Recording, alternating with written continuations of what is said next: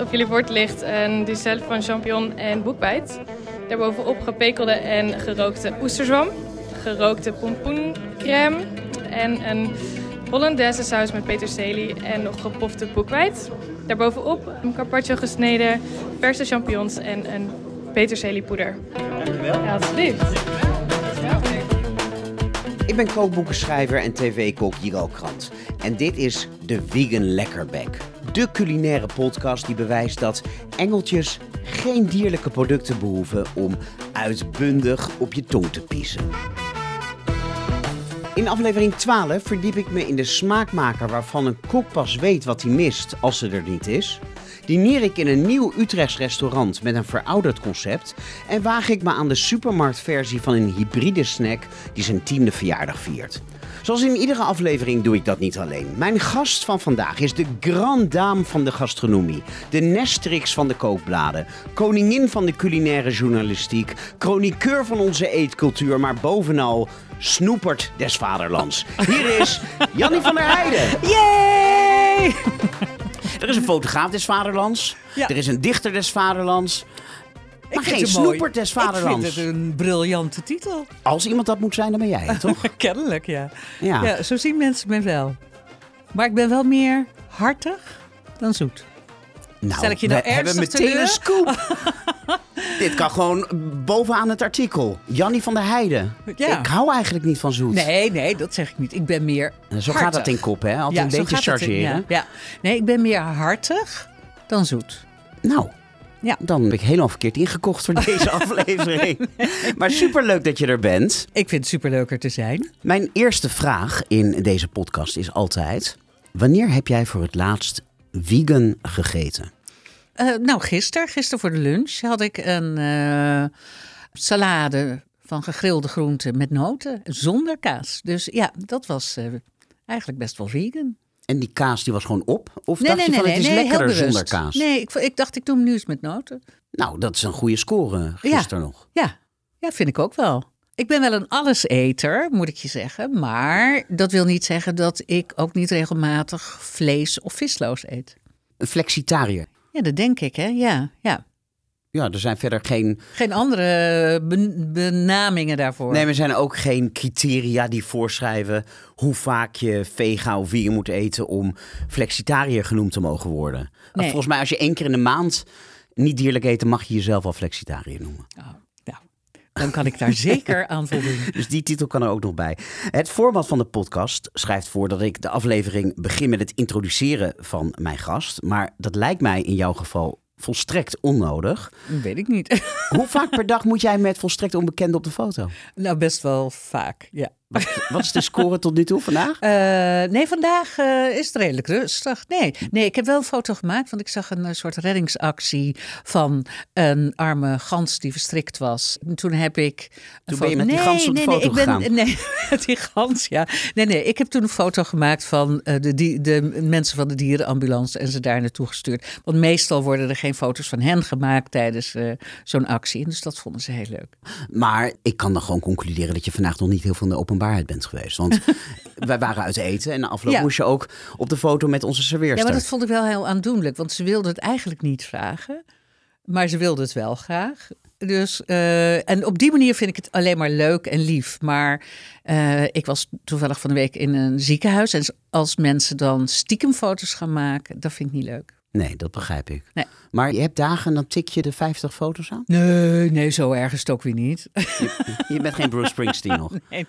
Nee. Maar ik denk wel dat het gros van de mensen eh, die jou dan vraagt van... hey, mag ik eh, Ja. een selfie maken met je? Dat die je kent als het jolige jurylid van eh, Heel Holland Bakt. Ja. Misschien als mevrouw Van Duin. Ja, ook. Want dan, ik krijg heel vaak te horen, waar is André? Ja. Maar soms word ik ook nog wel verward met eh, Loretta Schrijver. Of zij wordt verward met mij. Ja, nou dat probleem heb ik niet, want ik ken jullie allebei al heel erg lang.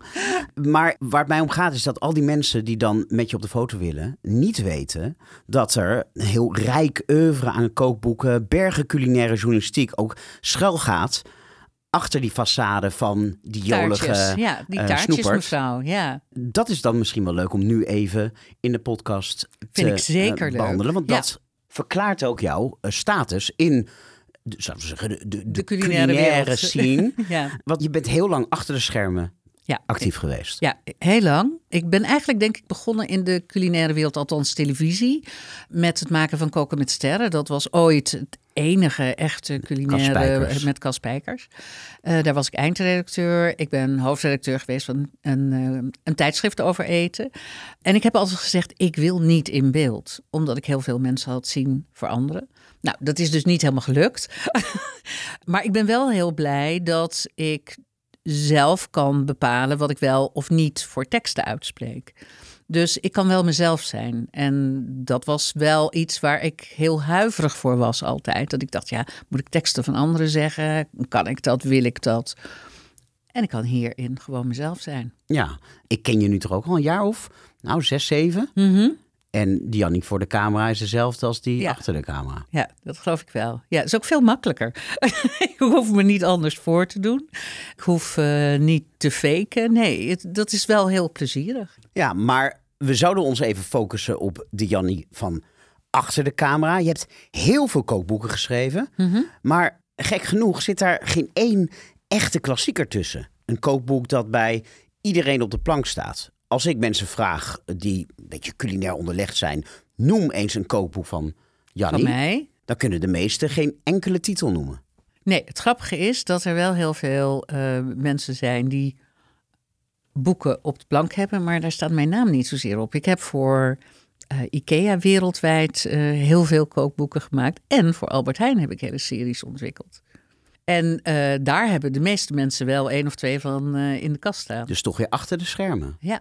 Maar als kookboekenschrijver ben je eerder op de voorgrond getreden dan als televisievrouw. Ja, zeker. Ja. Maar hoeveel kookboeken heb je gemaakt waar jouw naam op de voorkant staat? Ik heb dat eigenlijk nooit zo geteld. Ik, ik, heb, ik, ik weet wel uit mijn hoofd dat ik er iets van 15 voor IKEA gemaakt heb. Nee, maar daar staat jouw naam dus niet op. Nee, maar hoeveel voor mezelf? Pasta die Diani? Pasta Diani. ehm, ik weet eigenlijk de titels niet. Maar ik ben ooit begonnen. Mijn allereerste eh, kookboek was pasta. En daar moest nog als ondertitel onder alles over Italiaanse deegwaren. Omdat mensen dachten, pasta, pasta, dat is een soort crème. eh. en dan heb ik het over eh, 1980. Dat klinkt Oh, dat heel is- afschuwelijk. Dat is niet die van eh, DJ Janni. Eh, nee. nee, dat is een... ik kwam daarna. Dat moeten we even uitleggen. Maar er stond pasta di Janni. Maar door het gebruikte lettertype leek het alsof er DJ Janni stond. Maar je hebt de vraag nog niet beantwoord. Ik weet niet hoeveel. 10, nee, 15? nee, dat is de vraag niet. Waarom? Waarom? Oh, waarom? Geen klassieker. Nee. Ja, geen idee. Dat weet ik niet. Ja, waarom doet het ene kookboek het wel goed, het andere niet? Weet ik niet. Niet goed genoeg misschien om een klassieker te maken. En waar scheelt dat dan aan? Ja, geen idee. Nee, dat weet ik niet. Want als ik sommige boeken denk, nou, die zijn echt zo slecht nog niet. Ja, dat weet ik niet. Ik, wel, ik heb natuurlijk wel iets van 30 jaar voor de krant ook geschreven. Had ik een hele grote fanbase.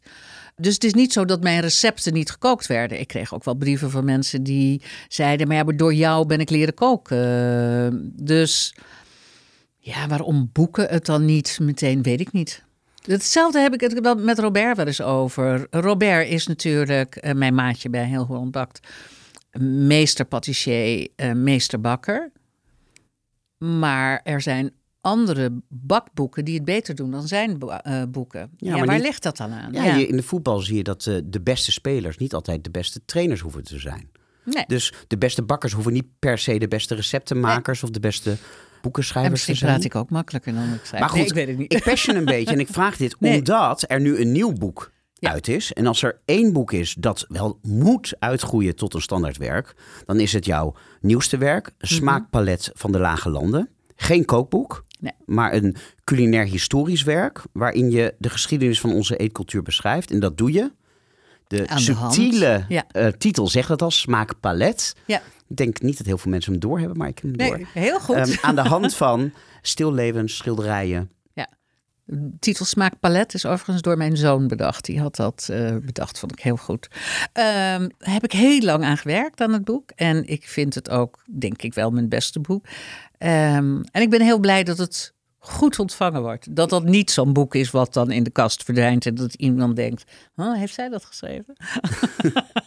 nee, en ik bedoel voor wat het waard is. Ik heb nog even gecheckt voor de opname. Hij is nu vier weken uit en sinds hij uit is, staat hij onafgebroken in de top 10 van best verkochte culinaire boeken. Ja. En dat voor een toch wel prijzig, prijzig boek. ja, ja, En is al in herdruk na twee weken. Gefeliciteerd. Ja, dankjewel. Ja, dus dat vind ik fantastisch. Daar ben ik heel blij mee. Ja, echt. Ja. En wat je doet in dat boek is niet kijken hoe onze eetcultuur eruit ziet aan de hand van kookboeken. Of niet per se, maar aan de hand van Schilderijen. Kunst. Ja, schilderijen, prenten omdat dat in mijn ogen, het is een soort beeldverhaal, omdat uh, kookboeken niet altijd iets zeggen over de manier waarop we eten. Nu verschijnen er iets van 800 kookboeken per jaar of zo. Zegt dat iets over hoe we thuis eten? Nee, niet altijd.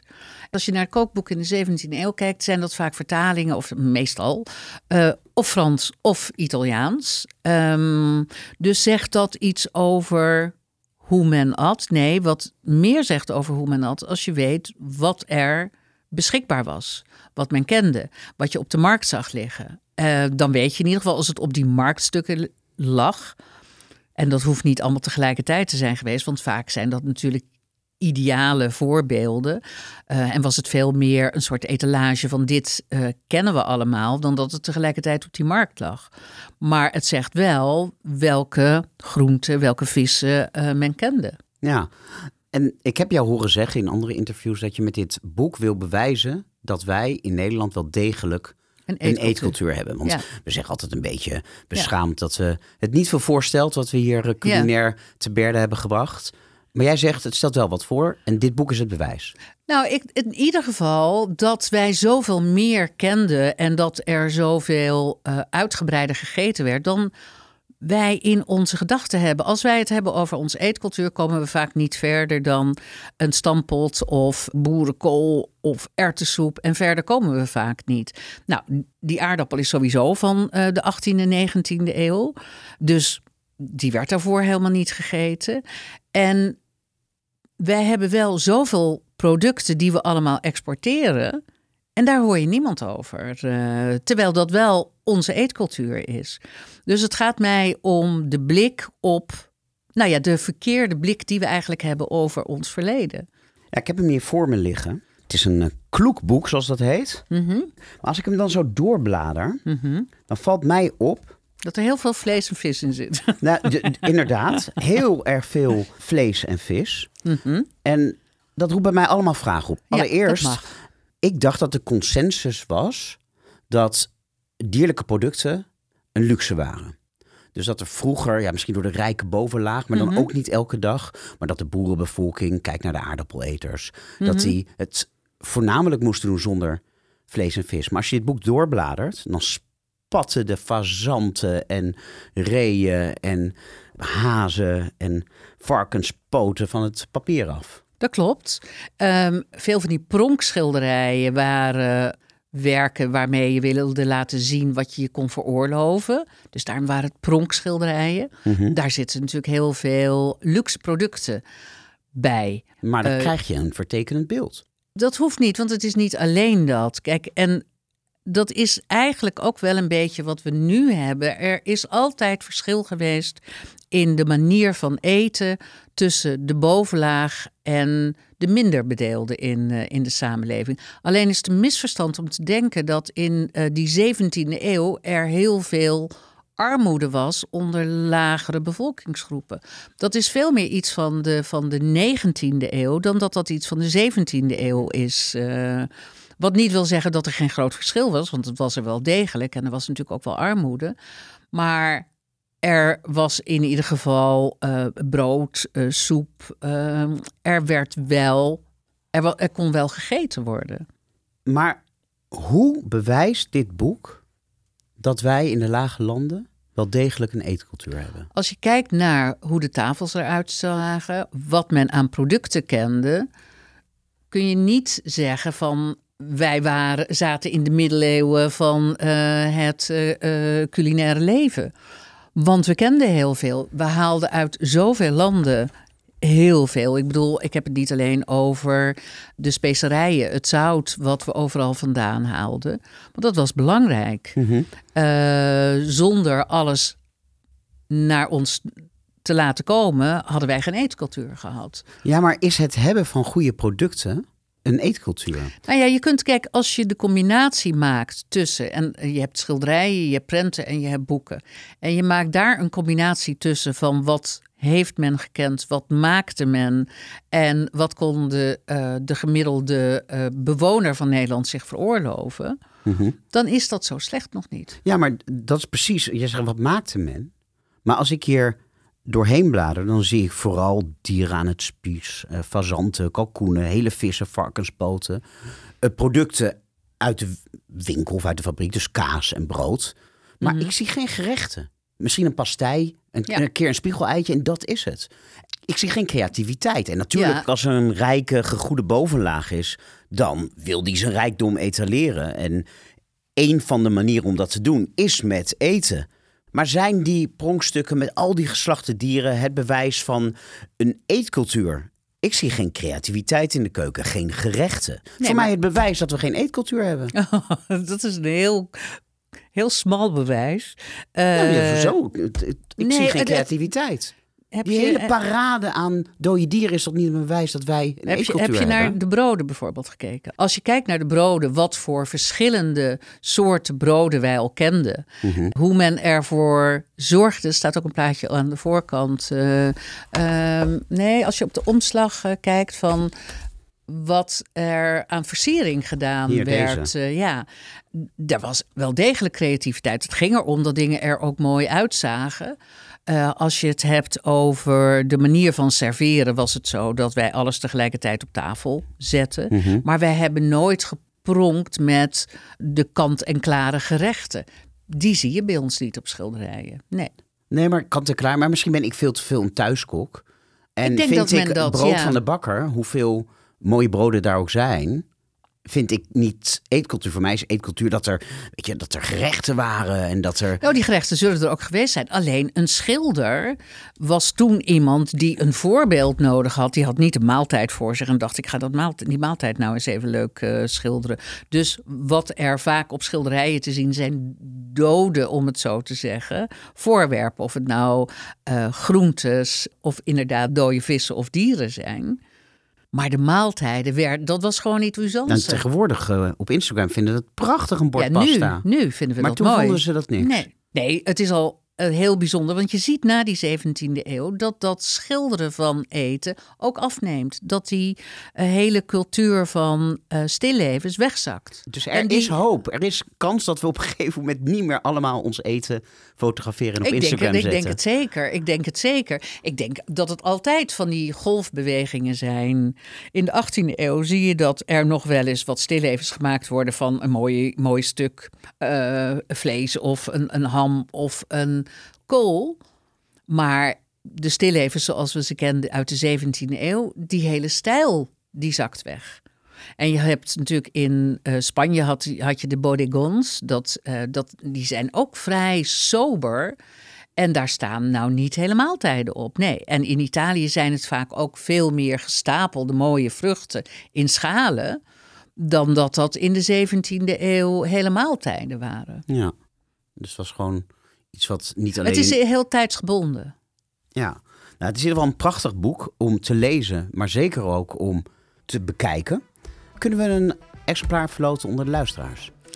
Eh, eh, moet je bij, de, eh, eh, bij mijn uitgever zijn, maar volgens mij mag het. Ja, nee, maar waar het dan om gaat is dan... eh, maar dan kom ik naar je toe, ergens. Maar Ja. dan mag je nog een keer een boodschap inzetten voor de uiteindelijke winnaar. Dat is goed. Nou, gaan we het doen. Zijn we aangekomen Ja. bij de eerste rubriek van de Vingen Lekkerwek. Waarin we de diepte ingaan over één gerecht, één ingrediënt of één product. En jij hebt mogen kiezen. Mhm. En jouw keuze is gevallen op zout. Ja. En ik, ik vond het wel leuk, want het valt mij op dat hoe hoger mijn gast op de culinaire ladder staat, hoe simpeler... Hoe hoger de status, ja, hoe basaler het onderwerp. Hiske Versprillen, die zat hier ook. Die koos voor brood. oudbakken Ja, brood. Ja, ja. oh, je bent een luisteraar, wat ja, leuk. ja, ja, ja, ja, ja. Gilles van der Loo, die ging voor de simpele, bescheiden ui. En jij gaat voor zout. Zout. Ja, Zo ongeveer het goedkoopste product in de supermarkt. nu. Ja. Nu, maar toen niet. Eh, want als we het hebben over die 17e eeuw, er werden oorlogen gevoerd over zout. Het is eh, altijd een onmisbaar onderdeel, ook weer van onze eetcultuur geweest, omdat wij zout nodig hadden, bijvoorbeeld om in te maken, maar ook voor die haring. Dus zout is heel belangrijk altijd En geweest. het was ooit schaars. Het was heel schaars. Het was enorm schaars. Want kijk maar eens naar stillevens. Dan zie je vaak dat zout afgebeeld is op prachtige zoutvaten. Hele kostbare zoutvaten. Terwijl peperkorrels vaak in een simpel pipetje van papier eh, gedraaid eh, werden. Als je ze afgebeeld ziet. Maar zout is in kostbare zoutvaten. En dan had je nog een verschil tussen het zout wat ze gebruikten voor het inmaken. En het zout wat je op tafel. Dat was geraffineerde. Dat was schoon zout. Ja, terwijl we de zee in de buurt hebben. Ja. En in elke liter water zit geloof ik 36, 34 gram zout. Nou ja, dat, we hebben een tijd, hebben wij in eh, Nederland wel zoutwinning gehad. Daringdelven heette dat. Eh, maar dat is er tegelijkertijd ook oorzaak van geweest dat wij nogal wat dijkdoorbraken hebben gehad. Eh, dat had dan te maken met die veengrond, dat werd verstookt. Nou, dat, onder andere de Elisabethvloed is daardoor ontstaan omdat we die dijken zo ondermijnden dat de zee vrij spel kreeg. Ja, maar toen haalden we zout uit het veen. Ja, maar, maar niet wel. uit de zee. Nee, nee. Je zet een vuurtje op, je neemt een pan met zeewater en een uur later nu, maar je... daar waren wij niet zo. Kijk, wij haalden het zout voornamelijk uit, eh, uit, uit Frankrijk, uit Spanje, uit Portugal. Waar je meer zon had en het makkelijker was om te laten verdampen. Ja, en wij hadden toen natuurlijk ook een veel koudere periode. En later haalden we dat natuurlijk uit eh, de Caribbean. Eh, en dat is niet onze mooiste pagina in onze geschiedenis natuurlijk Nee, geweest. nou, dan slaan we die snel om.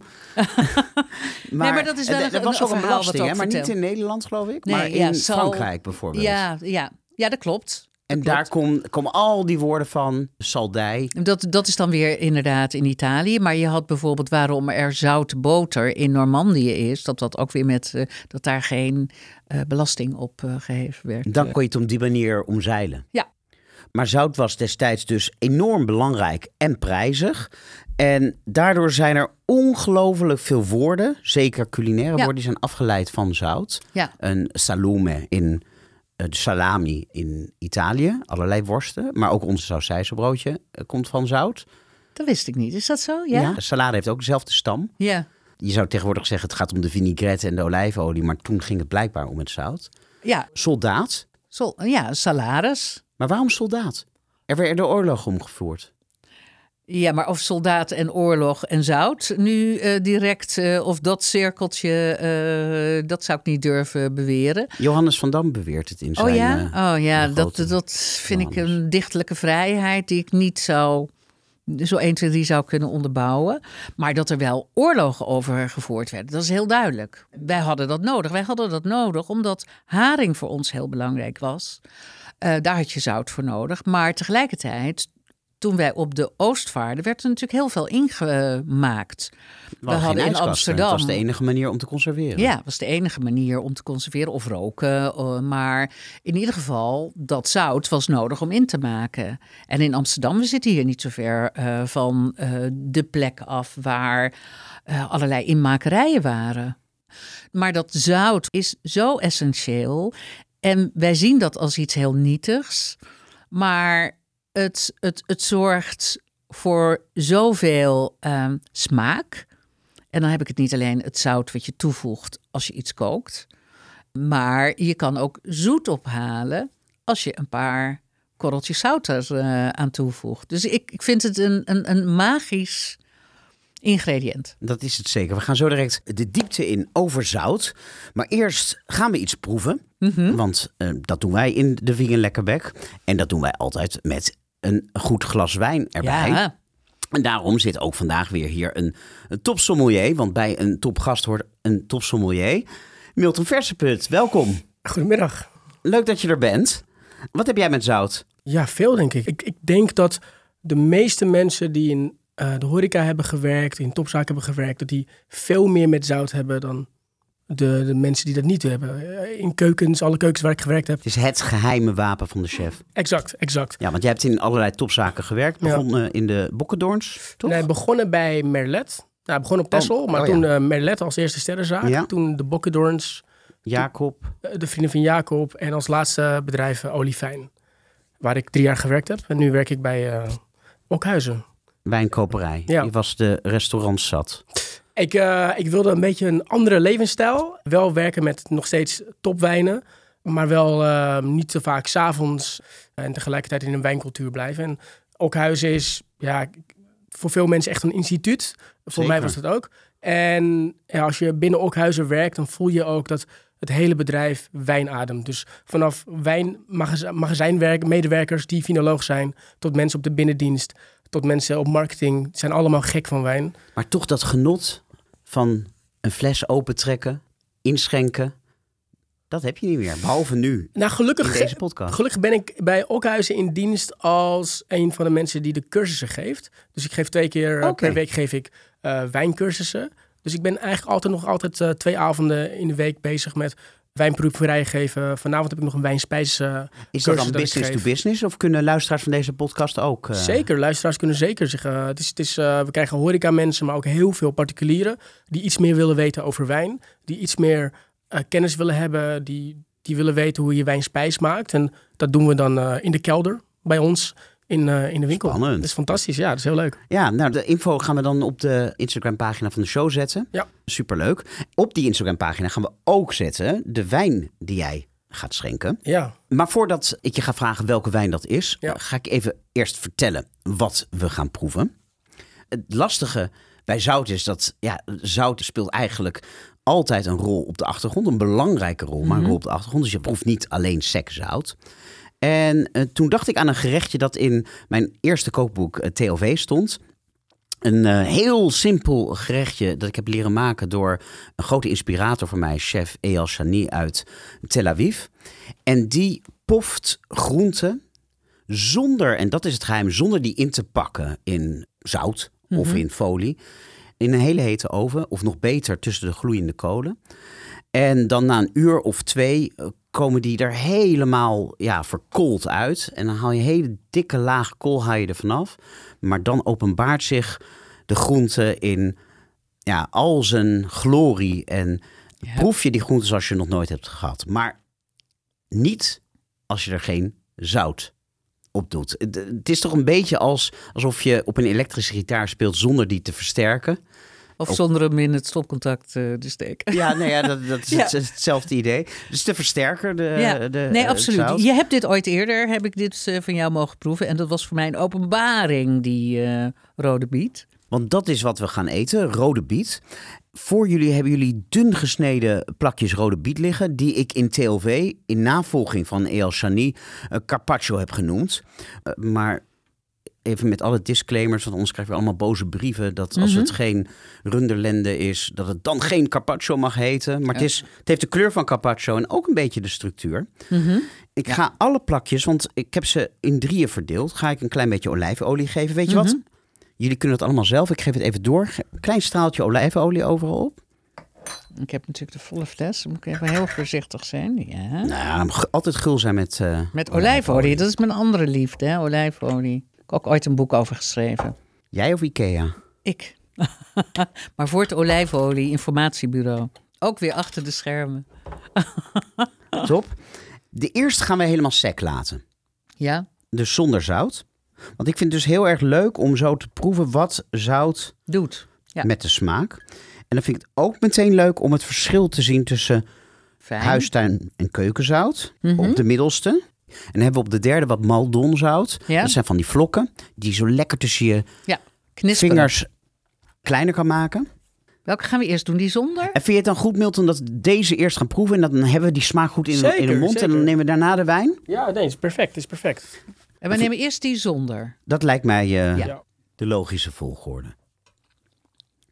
Wel lekker, maar Mhm. ik weet al hoe die gaat smaken zo met zout. En je- je- hij schreeuwt om zout, hè?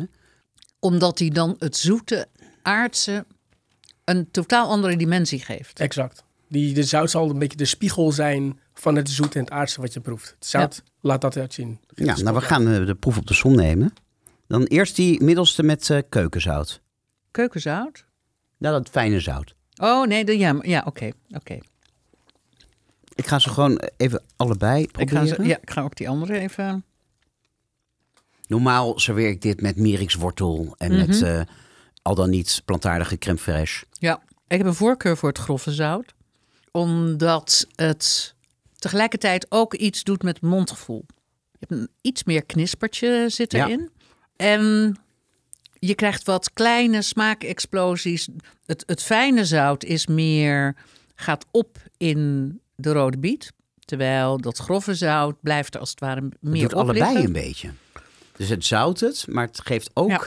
Het twinkelt in je mond. Precies. Het is Ja. veel minder uniform. Ja, dat knispertje, dat, het gevoel dat je, de, dat je een beetje de zee proeft, zeg maar. Hè? Dat, eh, dat zilte, dat, dat krokantje, dat maakt het spannend en lekker. Zo'n gerecht als dit moet je ook eigenlijk op het laatste moment een klein beetje zout toevoegen. We hebben nu heel lekker die bietensmaak in onze mond. Mhm.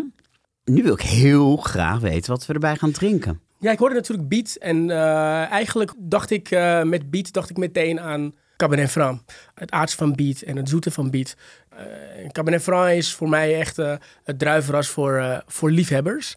Alle sommeliers die ik ken zijn gek van Het is een beetje Franc. zoals vroeger met Jannie. Heel veel mensen hebben Cabernet Franc gedronken, maar dan zat hij anoniem in een wijn waarin andere druiven Klopt, op, ja. op, de voorgrond traden. Ja, Veel in- Bordeaux's. In Bordeaux bijvoorbeeld. Maar ja, Cabernet Franc heeft voor mij heeft, aan de ene kant het plezier van eh, fruit en frisheid. En aan de andere kant heeft het voor veel mensen is het een beetje lastig dat het wel tannines heeft. Het heeft structuur, het heeft aardse tonen. Het heeft iets, eh, iets, iets groens op een voor mij heel fijne manier. Mhm. Ehm, maar het haalt heel erg juist smaak en structuur en een beetje wrijving in een gerecht naar boven.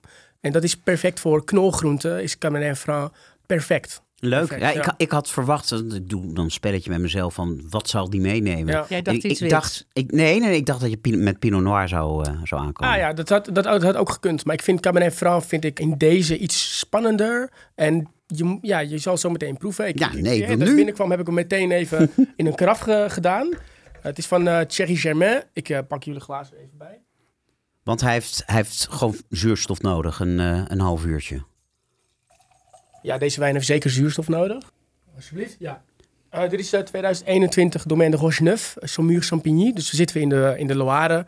Dat is een wijnmaker die wordt gezien eh, door andere wijnmakers echt als een absolute eh, rockster, als een absolute held. Hij werkt al sinds 2020 eh, biodynamisch. Het is een eh, wijnmaker die hele pure, pure wijnen wil maken. En je gaat merken dat het hoge zuurgraad heeft, frisheid. Maar tegelijkertijd heel zacht. Heel zacht. Ja, Ik ga nu een slok nemen. hij heeft echt exact dezelfde kleur. Ton sur ton met de biet. Ja. Ja, mooi hè? Het is een mooi plaatje zo. Dat is niet het eerste waar je op let, maar het is wel een leuke bijkomstigheid. ja. Wat ik het fijne van Loire wijnen ook vind, is dat je ze wat koeler drinkt. exact. Ja, Ja, want je hebt ze net nog even in de koeling gezet. Even in de koeling gezet. En juist daardoor krijg je dus die balans tussen. En die frisheid. Want je merkt dat er, zit van, er zit Ja. deze wijn een bepaalde vrolijkheid en frisheid in. Je doet meteen denken aan, Ja. aan zomer. En tegelijkertijd dat aardse. En misschien merk je het, net als bij de Mhm. biet, dat je een klein zoetje hebt. Ja, ik neem nu nog een mhm. plakje biet erachteraan. Ja. Mhm. dat zoetje proef je zeker. Ja, het brengt echt het beste ook in het biet naar boven. Maar je zegt tannines, maar ik, misschien komt het door die aanwezigheid van de biet. Maar ik, ik vind het een hele zachte... Ik, ik, ik heb geen last van stroeve tannines. Nee, dat is wel de trademark zeg maar, van Thierry Germain. Hij heeft zo'n goede eh, selectie in, eh, in de wijngaard. En daarna na het plukken weer een selectie om alleen maar alle rijpste druiven eh, te plukken. Maar tegelijkertijd zorgt hij altijd voor frisheid en elegantie. En die tanninestructuur, ja, je proeft wel tannines. En het is, je mond zit eh, met rijke tannines, maar alle tannines zijn zacht. Ja. En dat is, dat is, dat is ja, fantastisch. je krijgt geen stroeve bek. Nou, Nee, ik vind dat dit, dit is echt Ja, een waanzinnige wijn. Wat betaal ik hiervoor? Dit is eh 19 euro. 19 euro? 19 euro, Kunnen we ja. nog een kortingscodetje bij eh Losweken? Ik denk wel dat het gaat lukken. Ja, dat gaan we gewoon regelen. Ja, nou te gek. Alle info plus de kortingscode zetten we op de Instagram-pagina van de Vegan Lekkerbek. En lieve luisteraars, gebruik die code, want dit is echt een te gekke wijn. En ik Ehm, vind het een topcombinatie dit. Dankjewel. Ja. Dankjewel. Praat gewoon lekker mee. Je bent vanaf nu de sidekick. Leuk. Je mag inbreken. Er zijn geen regels. Het enige wat je eh, moet doen is zorgen dat mijn glas niet leeg is. Oeh, nou, ik, gelukkig heb ik een beetje ervaring daarin, maar het komt goed. Komt goed. Verder over zout. Over zout. We hebben het nodig, maar Ja. ook weer niet te veel. Ook weer niet te veel. Is ook niet goed. Nee, anderhalve gram per dag. Ja, en vooral in heel veel kant-en-klaar zit veel te veel zout. Omdat zout een smaakmaker is, vinden mensen iets wat heel zout is veel lekkerder. Ja, of als je elke dag gaat eten in een van de restaurants waar Milton heeft gewerkt, dan krijg je denk ik ook wel een redelijk Ik hoeveelheid denk dat dat wel meevalt, want ik denk dat juist het subtiele gebruik van zout, dat je helemaal niet zoveel zout eh, gebruikt. Omdat zout gebruikt wordt in de betere restaurants om een smaak omhoog te halen. En juist die dosering, kijk, de grap bij zout is dat, nou neem een simpel voorbeeld, de aardappel. Een aardappel is gewoon niet zo lekker als je die kookt zonder zout.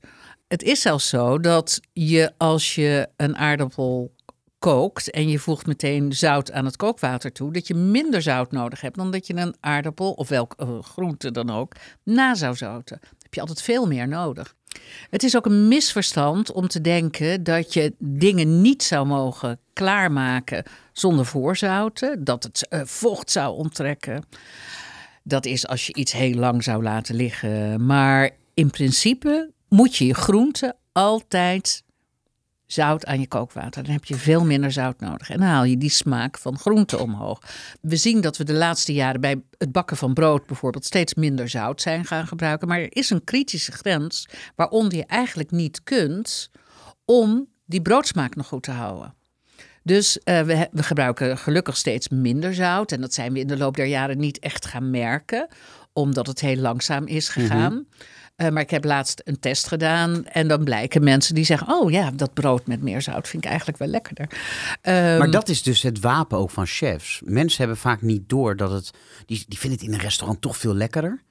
En dat zal ook met de kwaliteit van de chef te maken hebben, maar toch ook met het zoutgebruik. Ik en dat denk- is gewoon net iets meer dan je thuis in de keuken aandurft. Ja, of misschien juist niet.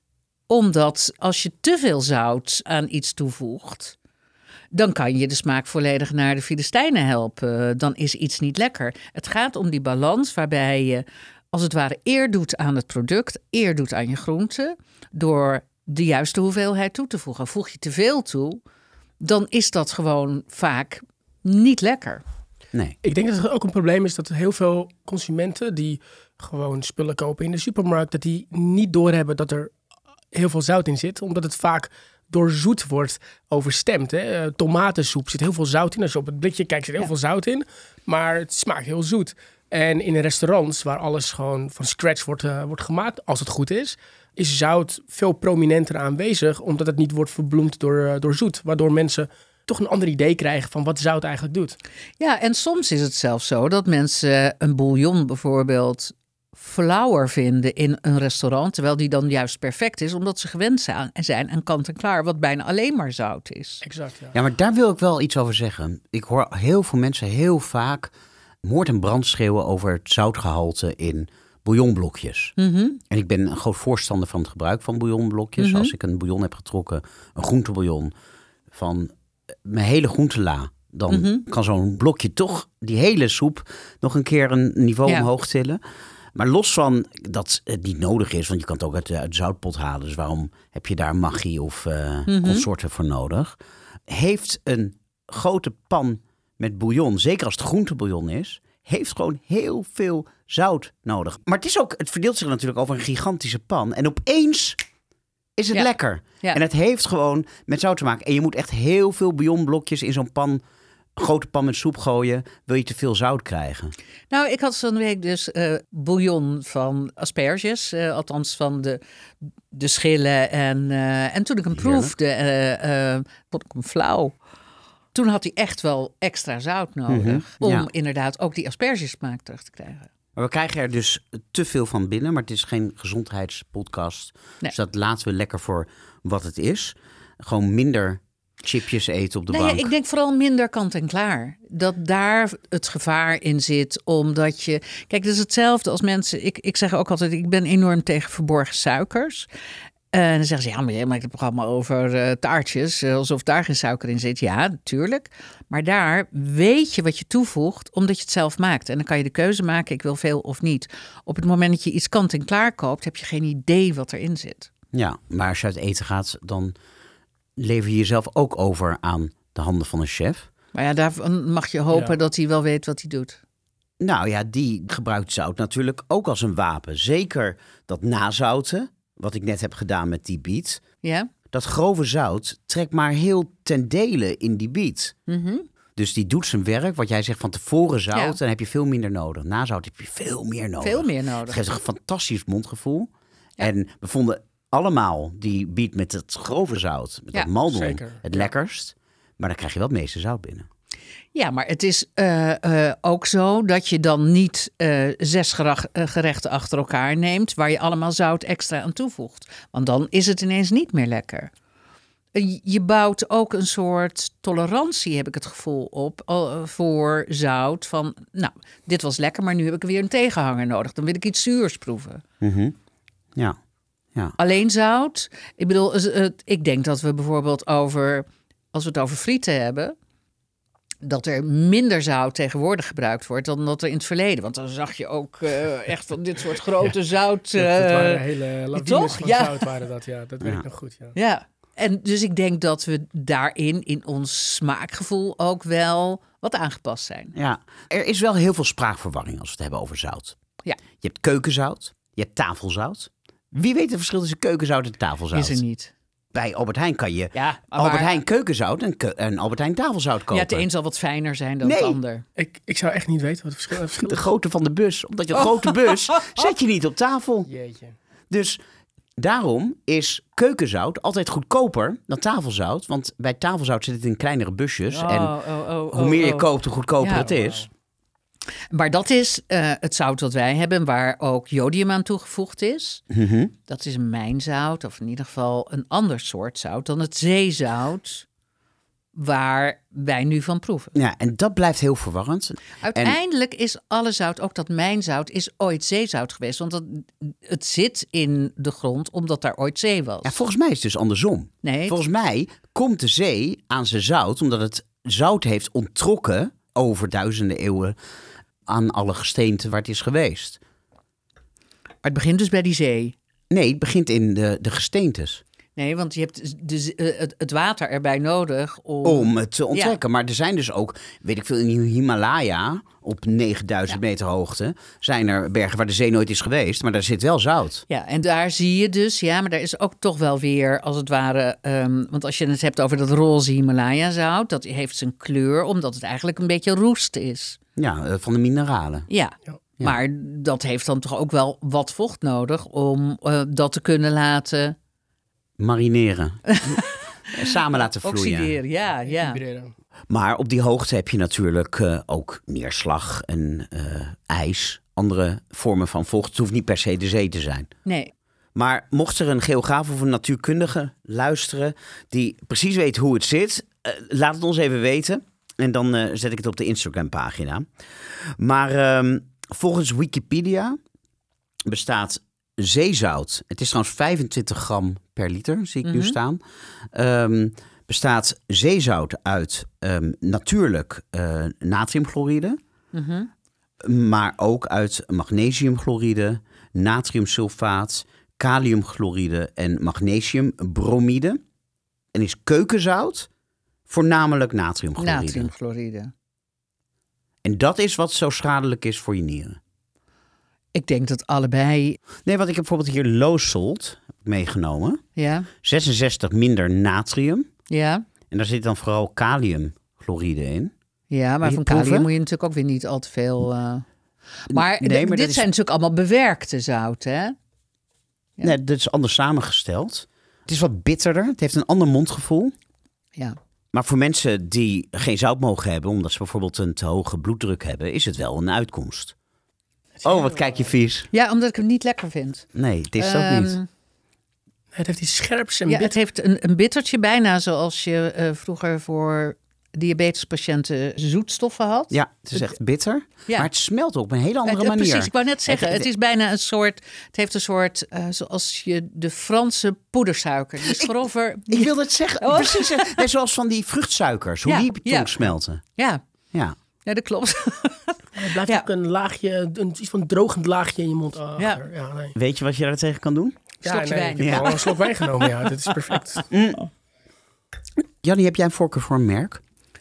Ik neem eh, uit Frankrijk altijd Guérande mee. En dan neem ik de verschillende mee. Ik neem de grove eh, mee, dus daar kook ik echt mee. Dat voeg ik toe aan kookwater, laat ik het zo zeggen. Is wat vochtiger en wat grijzer. Mhm. Maar dat Guérande is niet zozeer een merk, maar is een streek waar het vandaan komt. En dan heb ik verschillende andere zouten waarmee ik dingen op smaak breng. Voor het nazouten.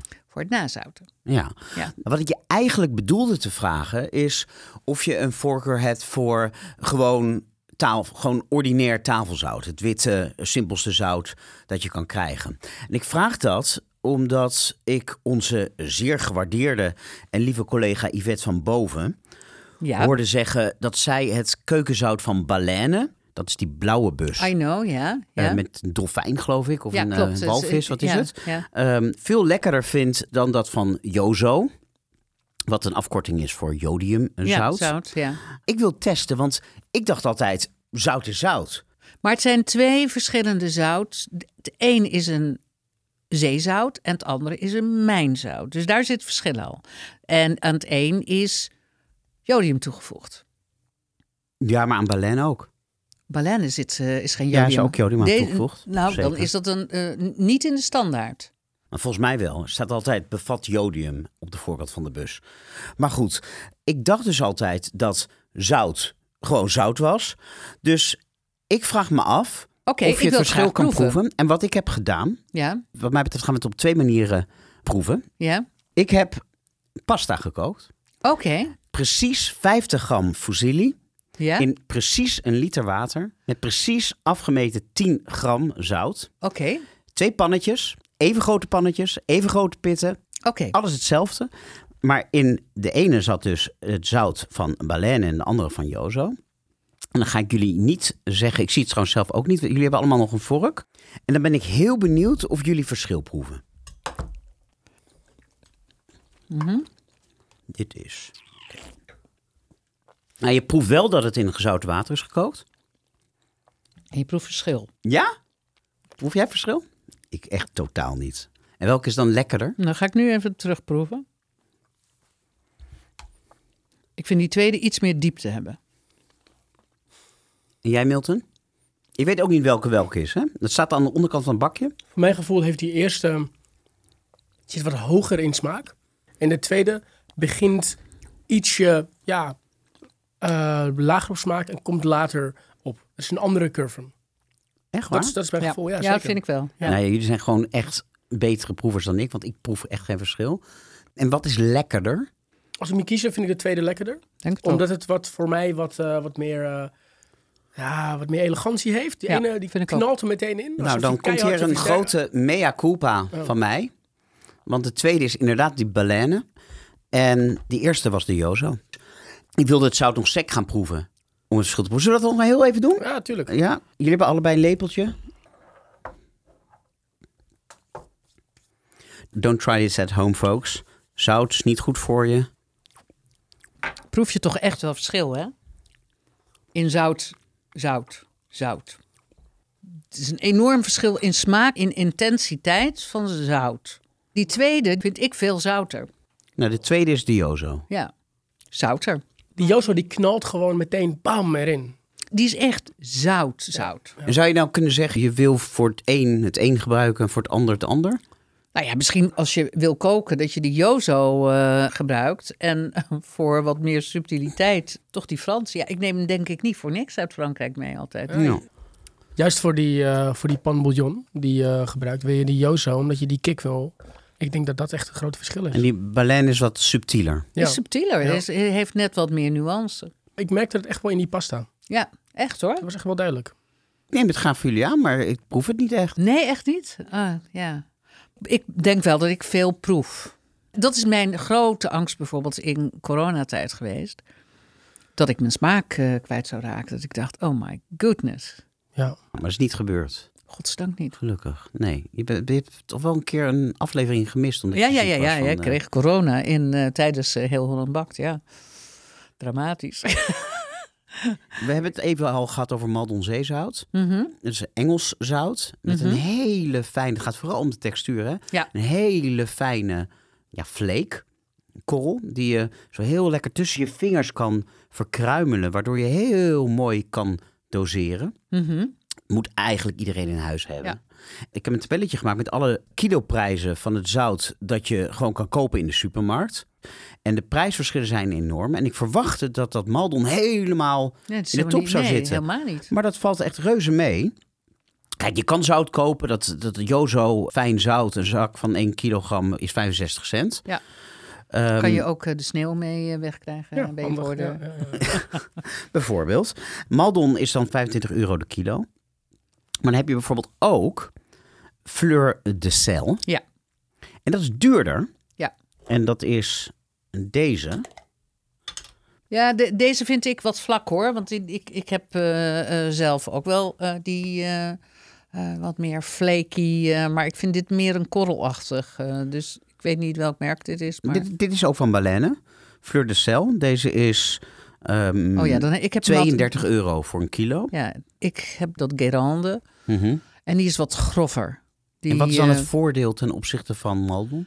Of- of wat- nee, waar- hoe is dat het is anders? waar je dan mee speelt. Dat is echt. Ik, ik heb niet. Ik vind Malden prima. En het leuke is, daarvoor moest je naar de groothandel. Echt tot twee, drie jaar geleden. Ja, maar is tegenwoordig ook bij en de tegenwoordig supermarkt. gewoon ja. in de grote Ja. supermarkt. Ja, Ja.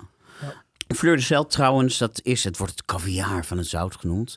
Ja, het, het, het, eh, het, het zijn meer de. eh, je moet het als het ware het soort, een soort schuimachtig laagje, als het ware, wat heel Zo- snel. Het zijn kristallen die Ja. in, in de zomer aan het wateroppervlakte. ja, en dat worden die gevormd. dan snel verdampen. Maar dat is ook. Je moet het snel oogsten. Het is niet altijd, is het er.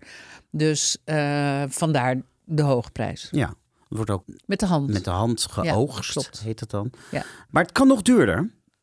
En, maar ja, het gaat om kiloprijzen. En je moet het natuurlijk ook, je koopt het niet per kilo. Maar dat zijn die molentjes van Drogeria. Ja, maar dan is het niet En- zozeer het zout wat het duur maakt, maar het is meer het merk en het molentje. Ook dat. Maar ik ben er wel heel erg fan van. Je herkent het, dat zijn die molentjes met een beetje dikke buik, heeft het. En dan zo'n rond etiketje aan de voorkant. En het heeft twee standen. Dat weten heel veel mensen niet. Wisten Nee. jullie dat? Nee, dat Ja. Let op, kijk. Als je dit uittrekt, dan krijg je hele grove korrel. Zie je dat? Als je hem indrukt, dan krijg je een fijne korrel. Nooit geweten. Echt... Ik begrijp ook niet waarom dat, dat dan niet op het etiket staat. Ja. Van let op, er zijn twee standen. Maar nou ja, dat maakt het des te leuker als je, zoals Milton, na jaren er gebruik van te hebben gemaakt, er ineens achterkomt dat er twee standen zijn. Ik gebruik die grove stand trouwens nooit. Want dan krijg je echt van die brokken zout. Maar op de fijne stand vind ik die molentjes echt best fijn. Want de korrels die eruit komen zijn wat grover dan die van gewoon strooizout. En die korrels zijn ook niet allemaal even groot. Dus het is best een, een fijne korrel om En, na te en je zouten. gebruikt denk ik minder dan wanneer je het met de hand. eh, Want het lijkt als je dit zo doet dat je lekker flink Ja. toevoegt. Maar dat je eigenlijk minder toevoegt dan Ja. wanneer je dit... eh, Ja. Maar ze hebben ook een molentje met Himalaya zout. Ja. Van het roze zout. mhm. Dit is 37,67 euro per kilo. Ja. Die kook ik ook veel eh, mee. Je kookt Het- mee of je, na, je zout na. Ik kook er ook mee. Als je dit in een pan doet met soep, proef je dat eraan af? Ja, In plaats van keukenzout? Ja, ik denk dat dan. Is ook al een deel van de beleving, hè? Absoluut. Eh, ja, ik, ik vind dat dan. Maar ik vind het sowieso leuk. Dus hetzelfde als olijfolies. Daar, kan ik, daar heb ik ook massa's van staan. Ik heb heel veel verschillende soorten zout ook staan. En het meeste gebruik ik voor nazouten. Het heeft een iets andere smaak, omdat hij wat meer ijzer heeft. Wil je proeven, Milton? Ja, zeker. zeker het heeft wat meer Kan je ijzer. Ja, ik probeer het. Nice catch. Dankjewel.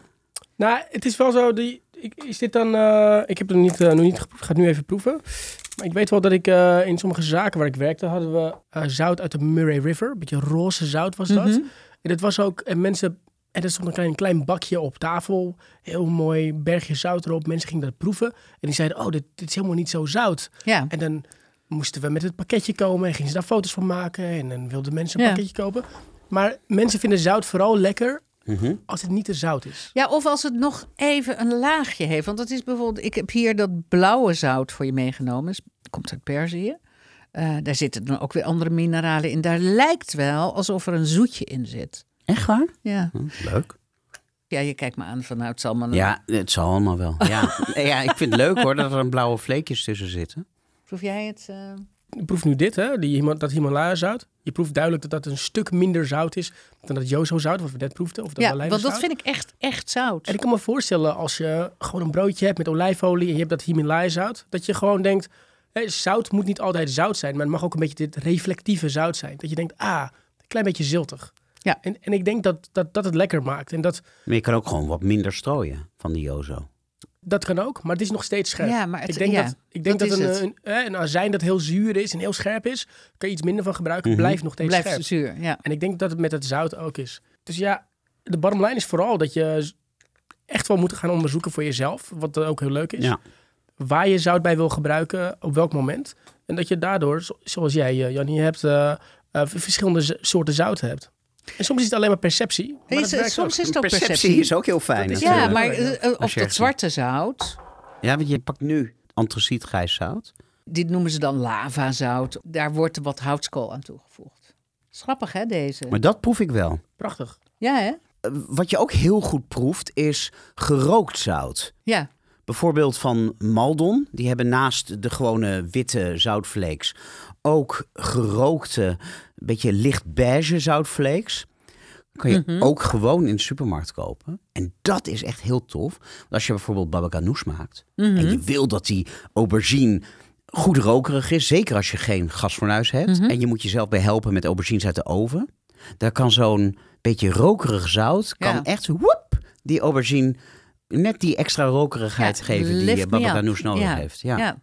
ja, dus dat vind ik echt het mooie van zout. Zout is niet allemaal zout. En dat, datzelfde heb ik altijd met zoet. Dat is ook een balansding. En daarin heb je ook verschillende suikers. Daarom zijn nog steeds suikers die niet suiker zijn, als je begrijpt wat ik bedoel. Dus Mhm. al die nepsuikers, die zijn, ja, vind ik niet lekker, omdat ze allemaal bijsmaken hebben die eh, het niet altijd even aangenaam maken. Die hebben dat bittertje bijna allemaal. Al die geraffineerde eh, producten hebben allemaal een bittertje in de nasmaak. En dat leidt af.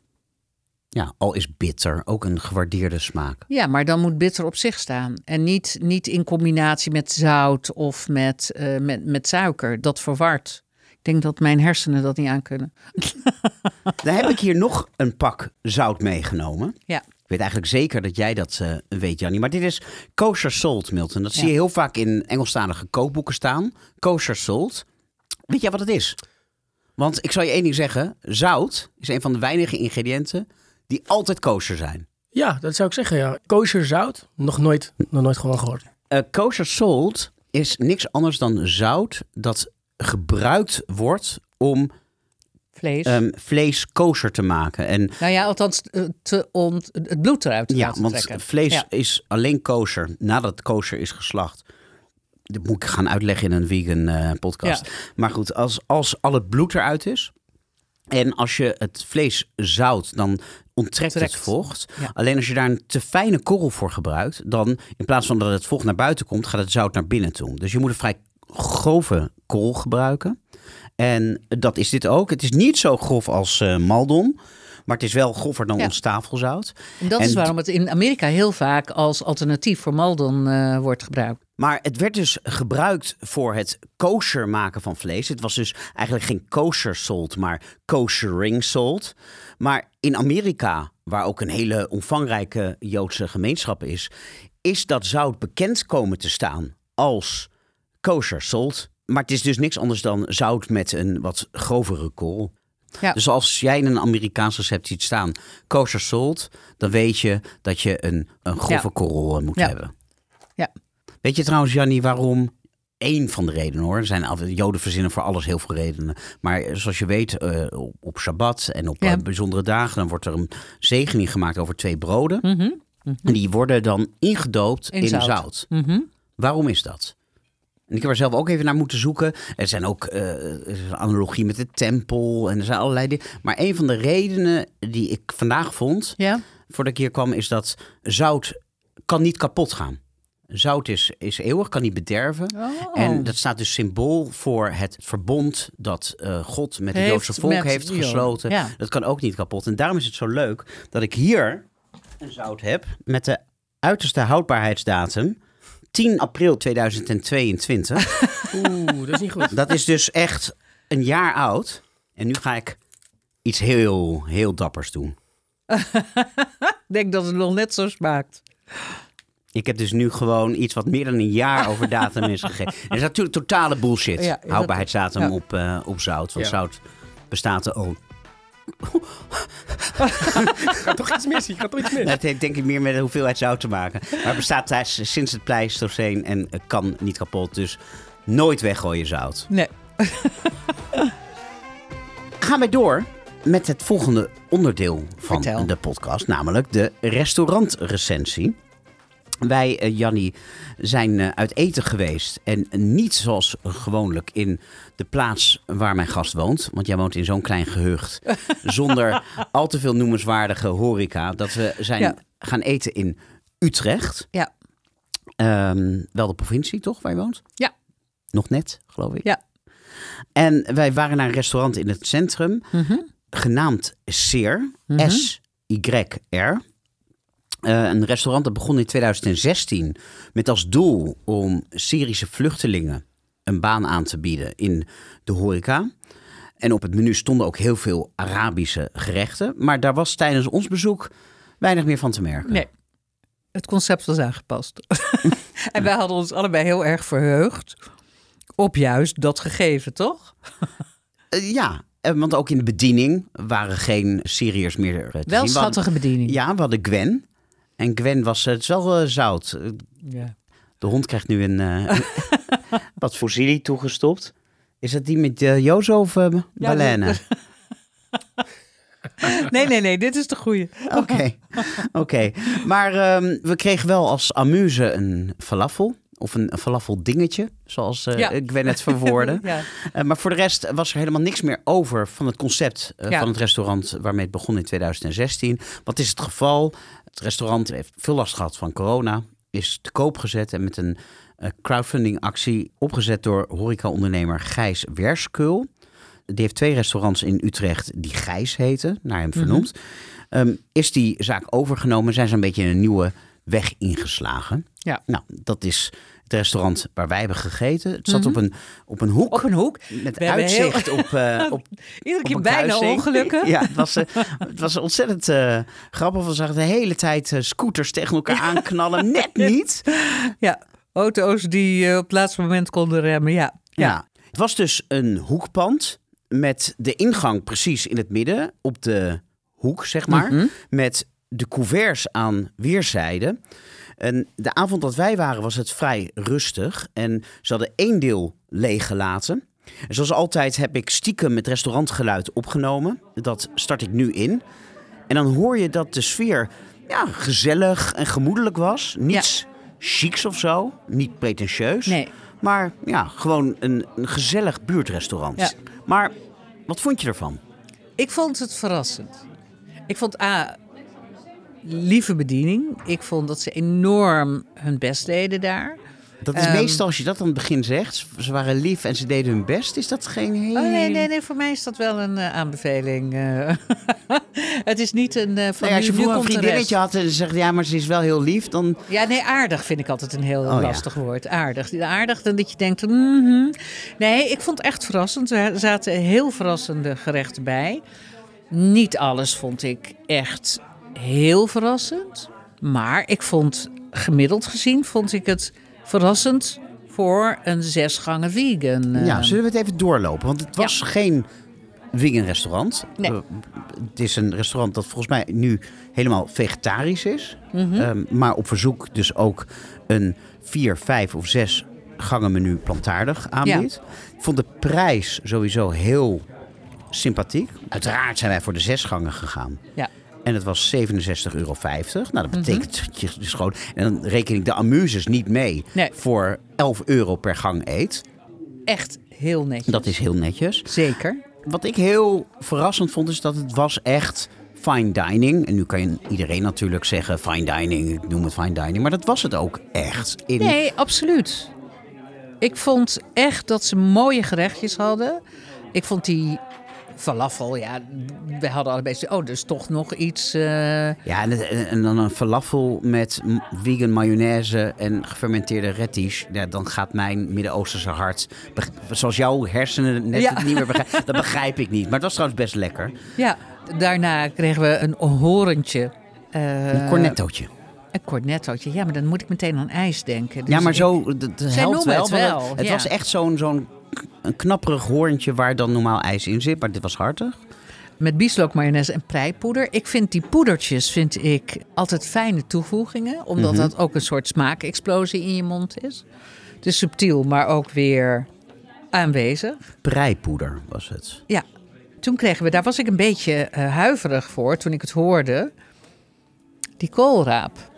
Want als er nou iets is waarvan ik denk, dat wil ik niet eten, dan was het koolraap. Want dat is iets uit mijn jeugd kennelijk, dat eh, in mijn gedachten was dat het meest afschuwelijke wat je ooit kon eten. Maar dat viel me mee. ik heb het gegeten. Viel me en mee. Ik vond het niet- zelfs heel erg lekker. Ja, ik, ik moest me ergens overheen zetten. Ja, het was een plak geconfijte en gegilde koolraap met koolraappuree en koolraapblokjes.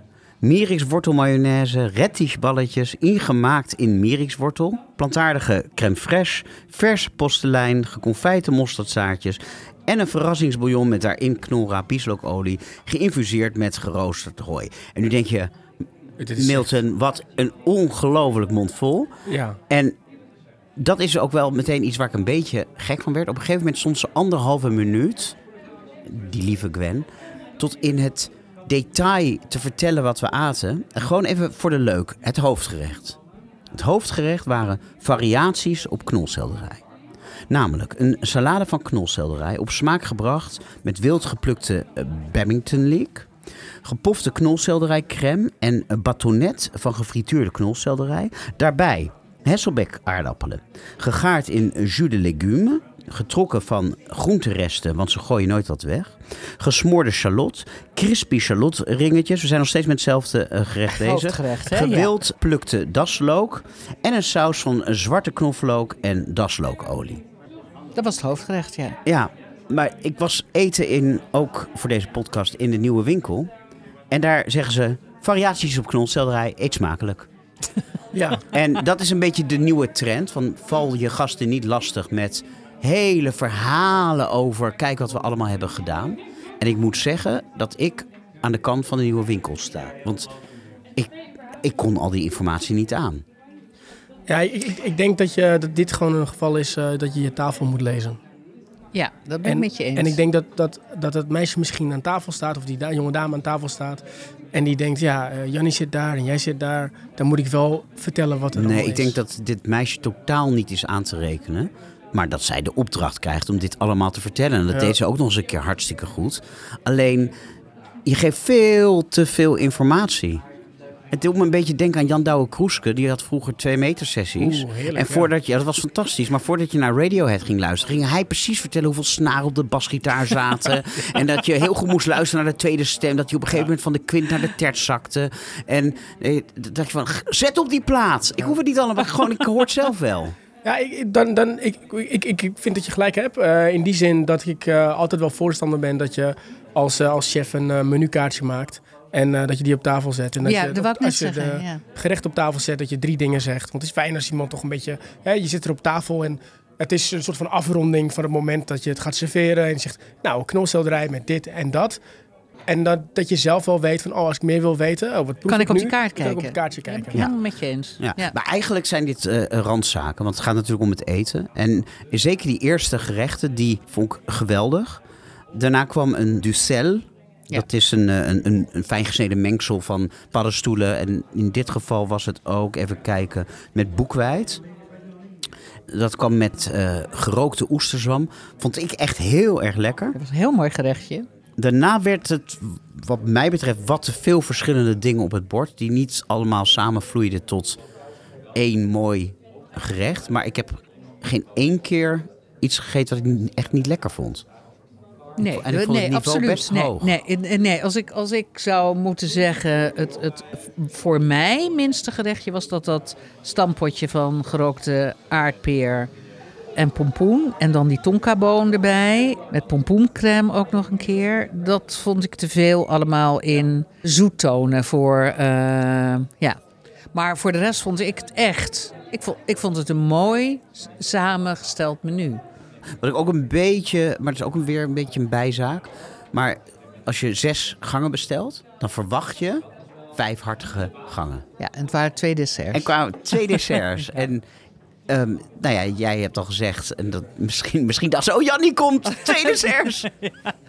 Maar ja, ik heb aan één dessert wel genoeg. Ik Ik- had liever ja. nog een extra hartige gang gehad. Ja, ja ik, ik vond twee desserts ook best veel, hoewel ze echt goed waren. Als ik mag kiezen, zeg ik ook altijd: laat het dessert voor mij maar zitten. Geef maar koffie eh, met, eh, met iets erbij, desnoods. Ik begrijp nooit waarom restaurants dat niet meer op de kaart hebben. Dat je in plaats van een dessert gewoon koffie met lekkere koekjes en bonbonnetje. Dat heb ik tien keer liever. Maar daar ben ik geloof ik een uitzondering in. Nou, ik vind op zich het afsluiten van zo'n zo'n hele parade aan hartige gerechtjes met een mooi zoet gerecht. Dat, dat, dat vind ik wel heel lekker. Ja, ik, ik sla hem vaak over eh, in, eh, in restaurants. Gek hè? Dan heb ik dan toch weer liever ehm, dat hart. Ja, het is, we hebben echt Het is een- wonderlijk, Dit is waar we Het deze is podcast mee begonnen. Jannie van der Heijden, dubbele punt. Geef mij maar hartig. Maar het leuke is, ik heb even gegoogeld op Seer. Ja? En dan vind je nog oude berichten over die crowdfundingsactie. Mhm. Maar geen recensie, niet in de krant, ook niet in regionale kranten. Helemaal geen aandacht. En dit restaurant verdient Nee, echt ik verdient meer. echt dat dat meer bezoekers. Ik had het daarna over met iemand die daar vlakbij woont. Die kende het. En die zei, dus die zei, oh ja, ik moet daar weer eens gaan eten. Ik vond het absoluut de moeite waard. Ja. Zeer zeker. Alleen ze moeten een nieuwe naam kiezen. Want Seer, dat staat natuurlijk voor Syrië. En daar heeft het niks meer mee te maken. Maar, en ze wilde het eerst niet zeggen, want het was nog geheim. Maar daarna zei ze het toch. Dus dan mag, mogen wij het ook zeggen. Ik Ze weet niet meer een wat nieuwe ze naam. kregen een nieuwe Volgens naam. mij was het onkruid. Ik weet het niet meer, maar er kwam een nieuwe naam. Ja, Het, wa- het, het was een beetje een prikkelende naam. Volgens mij was het onkruid. het zou kunnen, mocht je dat wel zeggen. Nou ja, en anders kunnen ze het alsnog veranderen. Mag ik, mag ik even Alle visitekaartjes jij al gedrukt. Ja, ik, ik ben er natuurlijk niet geweest hè, en ik zie die foto's hier. En wat ik wel te gek vind aan, eh, aan deze gerechten is zijn echt dat ze heel veel verschillende kooktechnieken hierin hebben Ja. verwerkt. Ik zie pekelen, ik zie eh, roken, ingemaakt. En dat, dat alleen al geeft mij het gevoel van, ah, daar moet ik een keertje heen. Want Ja, er wordt gewoon echt gekookt en met heel veel technieken gebruikt. Ook in verschillende gerechten, meerdere technieken. Dat is te gek.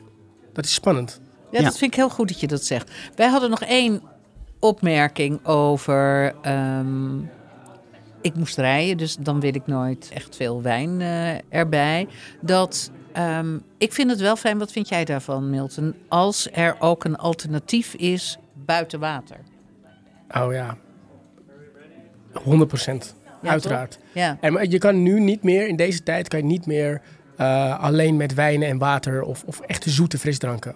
En het is zo, ja, makkelijk zou ik niet zeggen, maar het is echt wel, je kan als je eh, alcoholvrije alternatief gaat maken, kan je dat zo tweaken helemaal naar je eigen keuken. ja. En dat zeiden we ook tegen haar. ja. Toen zei ze, ja, maar het is zo lastig, het is zo moeilijk. En toen zeiden we ook, ja, maar wat als je een lekkere kombucha in huis haalt? Het bederft niet, je zet het neer, hoe, hoe moeilijk kan het zijn? ja. Ja, een lekkere er was- thee, een ja. lekkere... Ja, exact. Toen ik bij Olivijn werkte, heb ik eh, de hulp gevraagd van eh cocktailshakers. En die gasten die zijn heel goed met smaken natuurlijk. ja. En die heb ik gevraagd van, hey, ik heb wat eh, alcoholvrije cocktails nodig.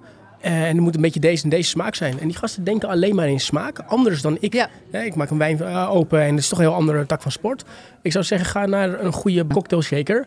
En zorg ervoor dat je iets in elkaar flanst. Ja, ik- Samen met je keuken en met je, Cocktail shaker. Ik had toevallig van de week een alcoholvrije gin.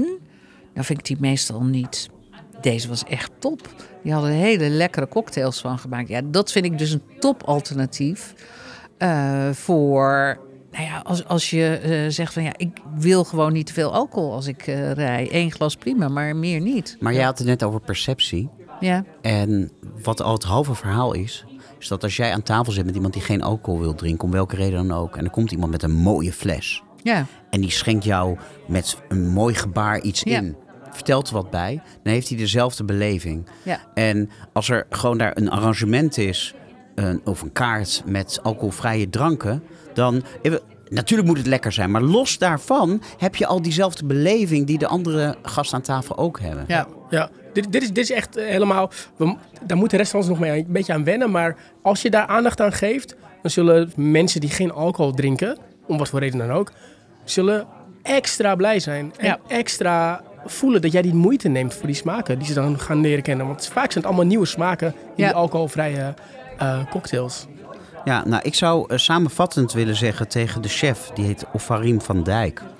Chapeau, petje af. Zeker. Alleen, het lijkt wel alsof je je wil, heel erg wil bewijzen. Dat zie je ook in het opzommen van alles wat je hebt gedaan en alle ingrediënten.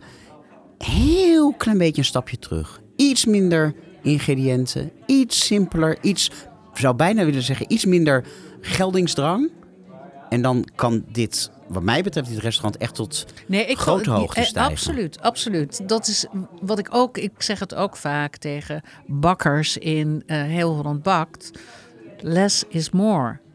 Denk niet door veel toe te voegen dat het daardoor altijd beter wordt. Het, eh, je moet een aantal ehm, sterke smaken hebben. Daar kan je wat dingen omheen doen die het omhoog halen.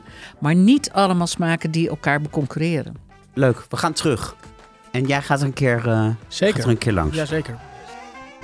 Zijn wij, eh, lieve mensen, alweer aangekomen bij het laatste onderdeel van de show. Het rare vegan ding. We bekijken, ruiken, voelen en proeven een vegan noviteit uit de supermarkt. En natuurlijk moest dat vandaag, ja toen wist ik nog niet, je zo van harte hield, een of ander nee. baksel zijn.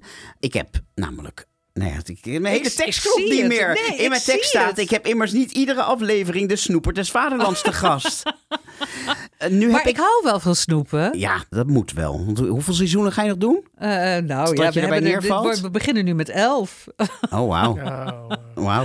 Nu heb ik iets gevonden waarvan ik bijna zeker ben dat je het nog nooit hebt geproefd in heel Holland Bakt.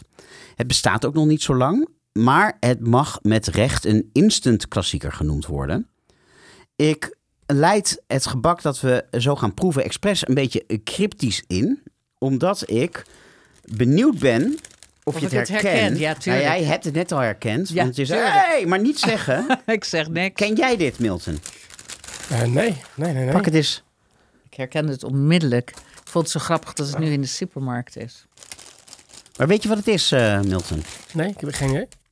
Jij hebt in je hand een zogenaamde Cronut. een cronut. Het is een baksel dat volgende week zijn tiende verjaardag viert. In mei 2013 heeft een Franse bakker met een bakkerij in, In New, York, Ja. deze hybride snack uitgevonden. En het is een kruising tussen een croissant en een donut. Dus gefrituurd croissant deeg. Het werd gelijk gigantisch populair. Ongelooflijk. ja. Iedereen die in New York eh, was, moest ermee op de foto.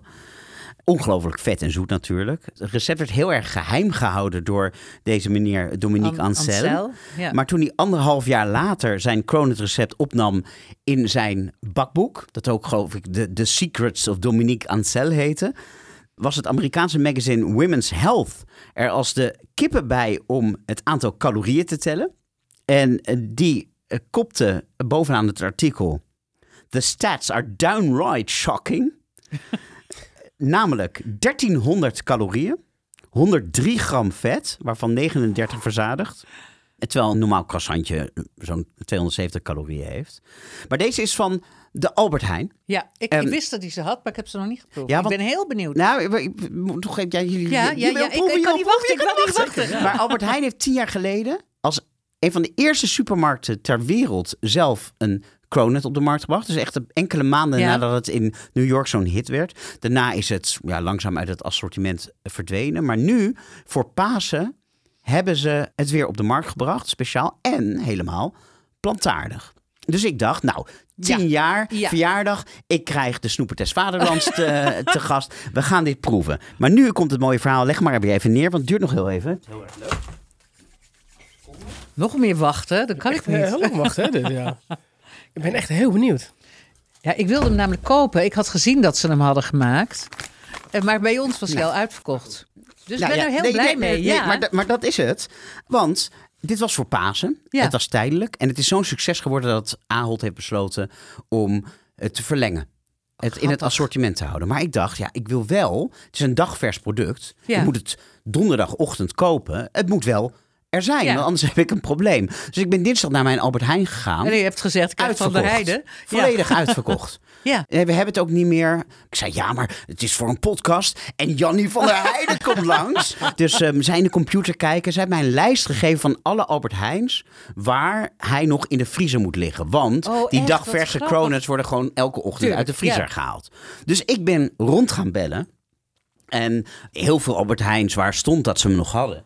Hadden hem niet meer. Die hadden hem helemaal nee, niet meer. want ik had er zwi- zwaar de pest in dat En- ik hem niet kon krijgen. Nou ja. maar hij komt dus ook weer op de markt. Als dit wordt uitgezonden, dan ligt hij er gewoon weer. Maar ze moeten gewoon weer even productie draaien.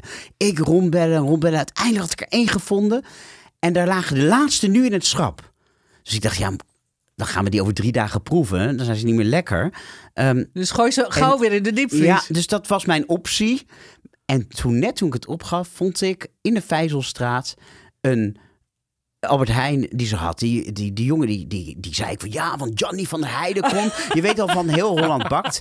Nabil was het. Maar Nabil had nog nooit heel Holland bakt gezien. En zat waarschijnlijk ook midden in de Ramadan. En had geen idee wie Jannie van der Heijden was. Maar hij was wel zo ontzettend lief Oh, lief. om te kijken. En ze hadden nog een paar in de supermarkt. Ik zei, doe er een briefje op en zeg dat ze het apart moeten houden. Kijk wat er vanochtend stond. Oh, meneer Jannie. Klantenbestelling, meneer Jannie. Ja, Dit is toch briljant? Dit is heel mooi. Dit is heel mooi. Dus dankzij Nabil, Oh, ontzettend Nabil, ik ben bedankt. heel blij met je. En, want eh, echt, ik had er zwaar de pest in, want ik wilde ze kopen. Ik zag dat ze er waren voor Pasen. Ja, en ik heb even op de site gekeken. Er zitten lang niet zoveel Nee, eh, want daar ben ik benieuwd in. naar. Staat het op Als, de verpakking? ja, dat moet ik even ehm, eh, zoeken hoeveel het is. Ik denk 4,5. Ja, hier. Het zijn bij de Albert Heijn slechts, slechts 372 kilocalorieën. Dus 3,5 keer zo weinig als in New York. En 45 gram vet, dat is ruim twee keer zo weinig. Maar dan de prijs. Ik heb nog even op de website van deze Ja. bakkerij gekeken. In New York eh, kosten ze omgerekend 6,93 euro per stuk. En bij de Albert Heijn krijg je er twee voor 1,18 euro. Dus 59 Maar dat was de cent per aanbieding, stuk. hè? 59 cent.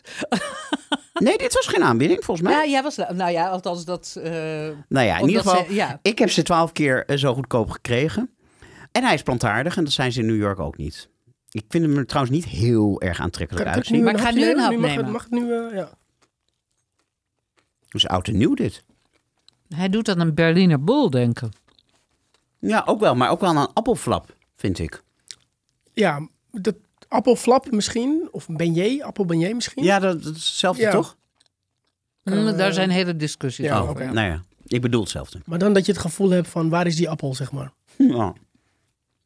Ja, ik Ja. vind het een beetje Berliner Bol-achtig. Het heeft ook wel, als je, als je kijkt, heeft het wel een beetje die flakiness van cassantjes. Maar zodra je je tanden erin zet, is het in één keer één massa. Wordt een beetje melig, hè? Ja, het is, maar het is wel helemaal plantaardig. Dus je eet hier waarschijnlijk een half pakje margarine. Ja. Nou, heb je hem eindelijk geproefd, Jannie? Dan heb ik hem geproefd. En wat nou als jij als jurylid dit had moeten beoordelen als een van de kandidaten van de Heel Holland Bakt hiermee was komen aanzetten? Dan had ik graag wat meer laagjes eh, geproefd. Ja, Iets meer suiker misschien. Misschien komt het naar al Mm. het zout, maar ietsje zoeter mag het misschien voor mij wel. Ja, nee, ik voor vind- mij ik vind ik, vind de hem flink zoetheid zoet. vind ik prima. Ja. Ja? Maar ik zou bijna denken, is hij helemaal gaar?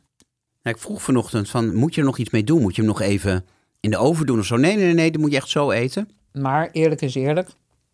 Wat kun je voor 59 cent verwachten? Dan vind ik hem begrijp ik het. Dan vind ik hem niet slecht van kwaliteit. Nee, ik denk dat geen van de snacks die voor die prijs in de Nee. supermarkt liggen... Laten we eerlijk zijn. eh, culinaire En hij hoogstandjes ziet er- zijn. Dat is het met. Hij ziet er gewoon lekker uit dat je denkt dat wil ik Ja, hebben. vind je? Ja. Ik Ja. vond hem er niet zo lekker uitzien. Ja. Ik vond de voorpret vond ik, eh, Het verhaal was beter dan, eh, Ja, dan dat hij smaakte. Doet hij het een beetje goed met eh Cabernet Franc? ik wil het even proberen. Ik eh, Lijkt me geen combi, hè? denk het ook niet, nee. Nee. Maar wat ik wel leuk vind, en dat is helemaal niet een soort missiedrang of wat dan ook, maar ik vind het gewoon wel leuk dat je bij de Albert Heijn steeds meer gewoon van dit soort basale. Nee, ik vond het heel Snacks grappig. Want daar was, ik, was, ik ben er echt op afgegaan. Hè, want ik dacht, ik wil hem eh, proeven, kijken wat ze ervan maken. Nee, maar dat het dus ook gewoon standaard, want ze hebben er niet er twee van. Eén plantaardig en één niet plantaardig. Het is gewoon standaard plantaardig. Ja. En jongens, gewoon het hele concept mash-up, zoals ze dat in Amerika noemen. Je neemt twee dingen, volgens mij bij Heel Holland Bakt. Als een creatieve opdracht is, dan zie je dat heel vaak. Je neemt de ene klassieker en de andere klassieker. Nou, en je maakt er iets nieuws. Ja, ik, ik vind Nee? dat wel grappig. Het is een simpele manier om iets nieuws te creëren. En als je eh, weet van ja, donuts en croissants zijn heel geliefd. Nou, ik maak de combi. Ja, ja ik weet Maar niet ik heb wel eens goed een- waarom, maar ik ben er een beetje allergisch voor. Weet je, bij, de, bij, bij de Lidl liggen nu frikandellen pizza's. En bij Ja, de Aldi heb je eng. Ja. frikandellen fly. Je hebt ook de, de croffin, de croissant en de muffin. Ja. En de walnut. Wat is De de, wafel en de donut. Oh, oh, die ken ik niet. Nee? Het is wel allemaal in de snackwereld, zeg maar. Ja, het is, dat, het eh, is die, of eh, hartig of ziet. zoet, maar het is inderdaad allemaal snack. Ja. Ja, Ja. Het kan goed zijn, maar dan moet het elkaar eh, vooral versterken. Dat je echt wel twee contrasten moet zoeken, denk ik. maar dit zijn vaak klassiekers die eh, in de loop van eeuwen zijn geperfectioneerd. En dan gaat een of andere koekenbakker met geldingsdrang dat te grabbel gooien. Dat, ja, het, het wordt er niet altijd beter op. Nee, nee. Nou, de, eindigen we toch een beetje in mineur met de, Nee, nee, met nee, de ik vind het niet mineur. Nee, nee, nee, dat vind ik niet mineur. ik, vind, het- ik ben blij dat ik hem... Nee, zo moet je eindigen. Ik ben blij dat ik hem geproefd heb. En ik ben blij, Jannie, dat je te gast wilde zijn in de Wingen Lekkerweg. En hetzelfde geldt voor jou, eh, Milton. Dankjewel.